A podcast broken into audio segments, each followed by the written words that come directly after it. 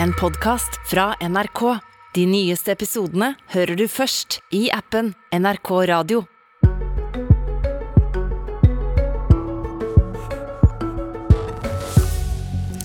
To partier i sentrum har brukt året i opposisjon til å finne seg sjøl. Den ene fant en partiorganisasjon i krise. Den andre ble en hauk i utenrikspolitikken og fant at det ville velgerne ha. Hjertelig velkommen, Venstre-leder Guri Melby og Kristelig Folkeparti-leder Ole Bollestad. Takk. Det er siste dag før ferien på Stortinget, og vi har kommet til den tida på året da partiene oppsummerer hvordan de har klart seg. Fordelen dere har, er at dere setter ofte karakterene sjøl, med en liten justering fra velgerne. Guri Melby, du skinte som sola og meningsmålingene på Venstres oppsummerende pressekonferanse i går. Hvordan trives du i rollen som hauk? Jeg merker meg jo at mange har brukt det ordet. Eh, jeg syns jo det egentlig ikke passer helt, fordi at for oss så handler jo det å gi støtte til Ukraina i krigen da mot Putin, å forsvare demokrati og forsvare frihet. Eh, og det ligger vel egentlig ikke så veldig tett på haukebegrepet, sånn som jeg kjenner det. En hauk er et begrep innen politikken om personer som fører en aggressiv politikk, gjerne utenrikspolitikk, står det i Wikipedia. Ja, nettopp det. Og, det... og Venstre var først ute med å si at vi måtte sende våpen til Ukraina, og så var dere først ute med å si at vi må sende en milliard kroner av våpen til Ukraina, og så vil du ha tyngre våpen nå, og så vil du ha full boikott av alle havner, i motsetning til alle de andre partiene på Stortinget. Det handler jo om at vi ønsker å gi Ukraina muligheten til å forsvare seg nettopp mot en angrepskrig. Eh, det er jo Putin, Putin, som er aggressoren i denne krigen, som gikk til angrep på et demokrati, på et naboland. Og det å gjøre det nabolandet rusta til å forsvare seg, har jo vært det det her har handla om for Venstre. Men nå tenkte jeg vi skulle snakke mer om Venstre enn om Ukraina, faktisk. Men eh, en annen eh, ting som dere eh, utmerker dere på, er at eh, det er byene Venstre er størst. Og dere ble omtrent utradert etter valget for tre år siden, det lokalvalget. Hvordan skal dere bygge opp partiet i hele landet? Vi advarte jo ganske sterkt i valgkampen mot at vi kunne få historiens mest byfiendtlige regjering. Det har vi faktisk dessverre fått, mener jeg. Det mener jeg jo bl.a. revidert budsjett eh, viser, når de ikke kompenserer for at kollektivtrafikken har mista passasjerer. Men nå var spørsmålet vanlige... hva Venstre har tenkt ja. å gjøre. Altså, Er det det byparti dere skal få bli? For jeg skjønner mitt... du har brukt mest tid i byene i dette året. Nei, det vet jeg ikke om stemmer, faktisk. Svaret mitt er at målet vårt er å være et parti både for by og bygd, og det tror jeg også at vi skal klare. Det som var det veldig positive med valget, var jo at vi Eh, gjorde et godt valg og fikk inn åtte stortingsrepresentanter, som da er fra hele landet. Eh, fra både urbane fylker, sånn som Oslo, men også fra Sogn og Fjordane, fra Nord-Trøndelag, fra Agder.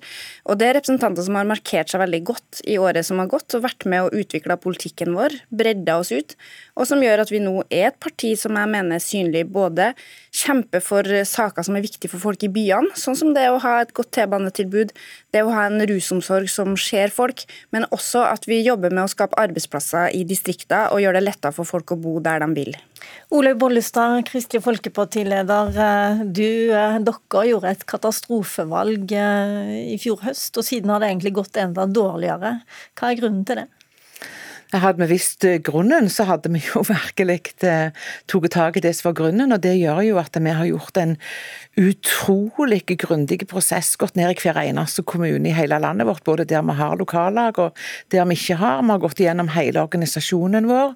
Vi har gått og jobbet med politikken vår, fordi vi mener at vi må revitalisere og gjøre det vi kan. For vi mener det skal være en plass for KrF i norsk politikk og ei gul stripe i veien, som ofte er brei stripe i veien eh, i hele landet.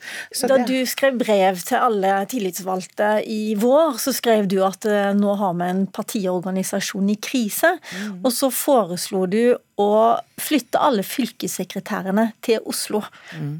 På hvilken måte skulle det revitalisere fylkene? Det handler jo om at et av forslagene, vi har ikke vedtatt, men et av forslagene var det. Og det er jo fordi da ønsker vi å lage team som skulle ha ansvar for sine fylker og sine lokallag.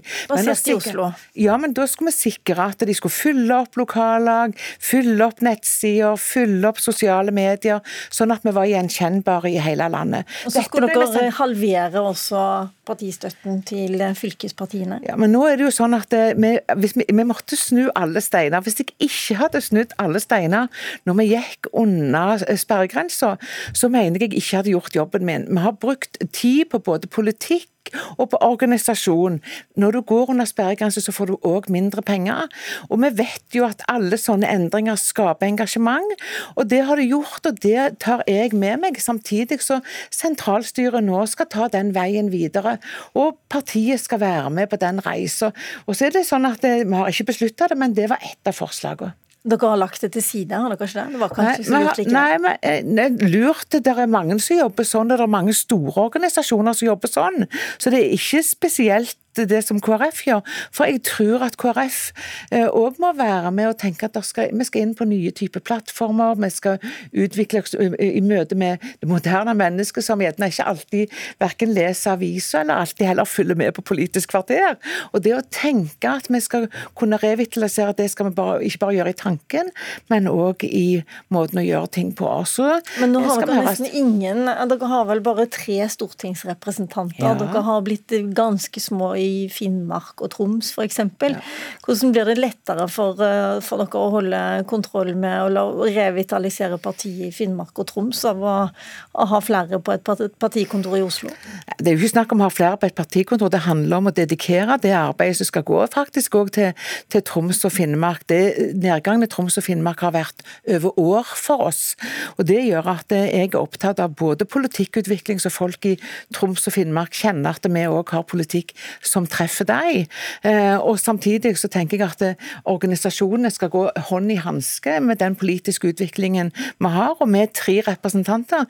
Vi klarer mye, men vi er plukk avhengige av å ha en god organisasjon bak oss, og det skal ingen være i tvil om. Mens eh, Guri Melby har snakka om mye om våpen og boikott, så har dere snakka om flyktninger. Dere to pleide å være erteri som trent i den forrige regjeringen. Er det større avstand mellom dere nå?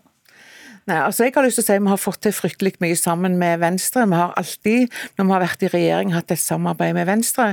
Med et sentrumsparti i lag. Eh, samtidig så er det sånn at vi har hatt vårt fokus på flyktningarbeid. For det, det handler om at enkeltmennesker lir i den krigen som er i Ukraina. Eh, vi møter personer som nå har vært nede på grensen og jobba, og som ser menneskelige lidelser, eh, som er formidable. Vi syns regjeringen har ligget bakpå i det. Og Derfor så har jeg savna av Venstre òg i den debatten. Fordi jeg mener at vi har òg et ansvar, ikke bare til å sende våpen, men vi har òg et ansvar til å ta imot, få prosessene til å gå fort i vårt land, bosette og hjelpe, og ikke minst ivareta de som har forferdelige historier med seg. Og Jeg møtte i går ei dame som har fått alle godkjenninger, opphold, hun har fått arbeidstillatelse. Hun har fått bolig, og samtidig så får hun ikke ei krone fra Nav ennå. Så hva skal folk leve av? Derfor er jeg utrolig opptatt av de prosessene, både i Ukraina, i Polen, i Romania og i Moldova, og her i vårt eget land. Guri Melby, du er savna, sies det her. Har dere vært mer opptatt av våpen enn av flyktninger? Jeg tror jo For alle partier så er det viktig å finne sin plass, finne ut hvor er det vi faktisk kan være med å påvirke, hvor er det vi kan gjøre en forskjell.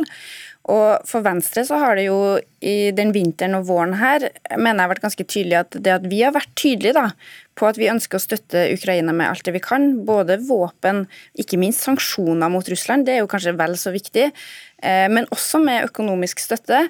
Eh, der mener jo jeg vi har bidratt til å flytte de andre partiene, som gjør at Norge har gjort mer enn det vi ville ha gjort uten den jobben som vi hadde gjort. Og så er jo jeg helt enig med Olaug vi har en stor jobb å gjøre når det gjelder å ta imot flyktninger, ikke minst. Sørg for at de får meningsfulle liv dit de kommer. Og Vi står gjerne sammen med KrF i den kampen. Og jeg er også veldig glad for at KrF er jo et av de få partiene som har støtta oss f.eks. når vi på Stortinget ønska hastebehandling om å fjerne dette unntaket i havneforbudet som regjeringa har innført. Så jeg opplever jo at KrF er jo også et parti som ser behovet for å være veldig tydelig mot Russland. For målet må jo være at den krigen her ikke skal trekke ut, og at Ukraina har en sjanse til å vinne krigen. Hvis ikke så blir jo alle de utfordringene som Olaug snakker om med flyktningstrømmer, hvordan vi skal håndtere det, den blir jo bare enda større. Sånn at den kampen vi sender altså Det er jo ikke våpnene i seg sjøl som er poenget. Poenget er jo å gjøre det mulig for et land som Ukraina å stå imot en autoritær diktator, slik at han ikke vinner sin kamp, og slik at vi har en større mulighet for fred og sikkerhet i Europa. Er du, er du eh, skeptisk til å sende tyngre våpen til Ukraina?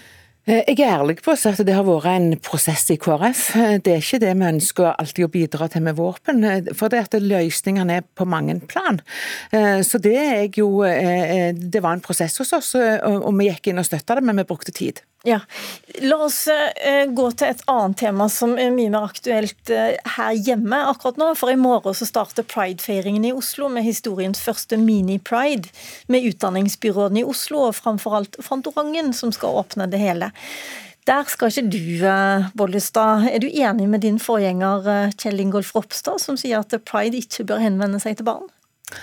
Eh, jeg er utrolig opptatt av at eh, vi skal snakke med ungene på ungene sine premisser, eh, og ikke snakke med ungene på voksnes premisser. Det er jo fordi jeg mener at ungene, mange kan ha veldig forskjellige følelser og holdninger og tanker i forhold til kjønn, og det tenker jeg det skal vi gjøre på en måte som er på ungene sine premisser. Gjør pride, gjør ikke pride? Var det ved å hente inn Fantorangen? Ja, nå leste jeg nettopp i går fra en psykolog som sa faktisk at eh, la, la, oss legge noe av den debatten litt ned, fordi ungene må få lov til å være unger. Og jeg tror av og til så har vi lagd kjønnsrollene våre, altså gutt og det å være jente, veldig smalt. Og jeg tenker at eh, jeg ønsker å gjøre ting på ungene sine premisser og på deres modningsnivå. Og det å henvende seg til unger eh, med voksne utfordringer, det syns jeg er problematisk problematisk. Så, og det er det Pride gjør nå? Ja, på noen områder, men samtidig har jeg lyst til å si Pride har vært med, og det er en feiring av uh, lesbiske og homofile sine plass i det norske samfunnet. Men hva er det du er redd for? Jeg skjønner ikke helt hva er det ungene kan eksponeres for som du er redd for? Jeg er redd for Jeg mener at det er unger som opplever at de har ulike følelser, men jeg mener at den veien må de få gå uten at vi skal legge til, eh, eller pålegge de våre holdninger, våre meninger og våre tanker. Jeg tror at dette eh, er en utvikling som er hos alle unger, og at vi skal ha så stor respekt for at ungene skal få lov å gå den veien. Og vi møter dem der de er, og ikke pålegge dem det som er våre tanker oppi dette. Guri Melby, tar du dine barn med deg på Mini Pride? Ja, Det skal jeg gjerne gjøre. og De går i en barnehage som også markerer pride. Så jeg syns det var kjempefint jeg henta fireåringen en dag, og han sto og mala regnbue-T-skjorte. For det det handler om, ehm, det er jo at vi lever jo fortsatt i et samfunn der altså det mest normale er å være heterofil. Og Hvis du da kjenner på at du kanskje har noen følelser som er litt annerledes enn de andre, eller kanskje du har foreldre som har annerledes, som har valgt andre måter å leve livet sine på, så tror jeg mange barn kjenner seg utafor og kjenner skam og syns at det er vanskelig. Og hele poenget, sånn som jeg ser det, da, med å både trekke pride inn i skole og barnehage og trekke dem inn i pride, er jo å gi den her aksepten til barn om at du kan få lov til å være den du er. Dine foreldre kan få lov til å være dem du er, og du skal faktisk være stolt av det. Ser ikke du det, Bollestad? Og, og et, et, poeng til, for jeg mener også det her handler om tillit til dem som jobber i skole og barnehage. Jeg er helt sikker på at de greier å forvalte det her på en veldig god måte. De skjønner hvordan de skal tilpasse det her på en måte som gjør at unger både forstår og opplever åpenhet, og at de er inkludert. Bollestad? Jeg har aldri vært redd for å snakke med ungene, verken mine eller andre sine, om alle ting. Men ikke om feil, kanskje? Jo, det har jeg òg gjort. Det har jeg ingen problemer med. Men det som er spørsmålet, det er jo om vi skal påføre dem ut ifra en voksen holdning. Fordi vi tar dem inn i et arrangement som har en, en voksen agent. Og jeg mener Kan du ikke si det om alle Pride, Hvis du blir med på Pride-toget, så ser du at det arrangementet kan være veldig åpen for barns premisser. Så jeg håper at du vil gå sammen med meg, Olaug, så ser du det. Knut Arild Hareide gikk i pride. Kommer du noen gang til å gjøre det? Jeg tenker at Pride har en utrolig viktig jobb med å jobbe for homofile og lesbiske sine rettigheter. Jeg var ti år når, når, det ble avkriminalisert, jeg husker det veldig godt. Eh, men jeg er uenig i noe av det som er den politiske agendaen. Og det må jeg få lov til å si uten å bli opplevd som intolerant, for det er jeg ikke var svaret nei? Du skal ikke gå? Ikke i år skal jeg gå, men eh, den vurderingen må jeg jo ta hele veien. Kanskje senere. Tusen takk for at dere kom til Politisk kvarter, eh, KrF-leder Olaug Bollestad, og takk til deg også, Guri Melby, leder i Venstre. Mitt navn er Lilla Sølhusvik. Du har hørt en podkast fra NRK. De nyeste episodene hører du først i appen NRK Radio.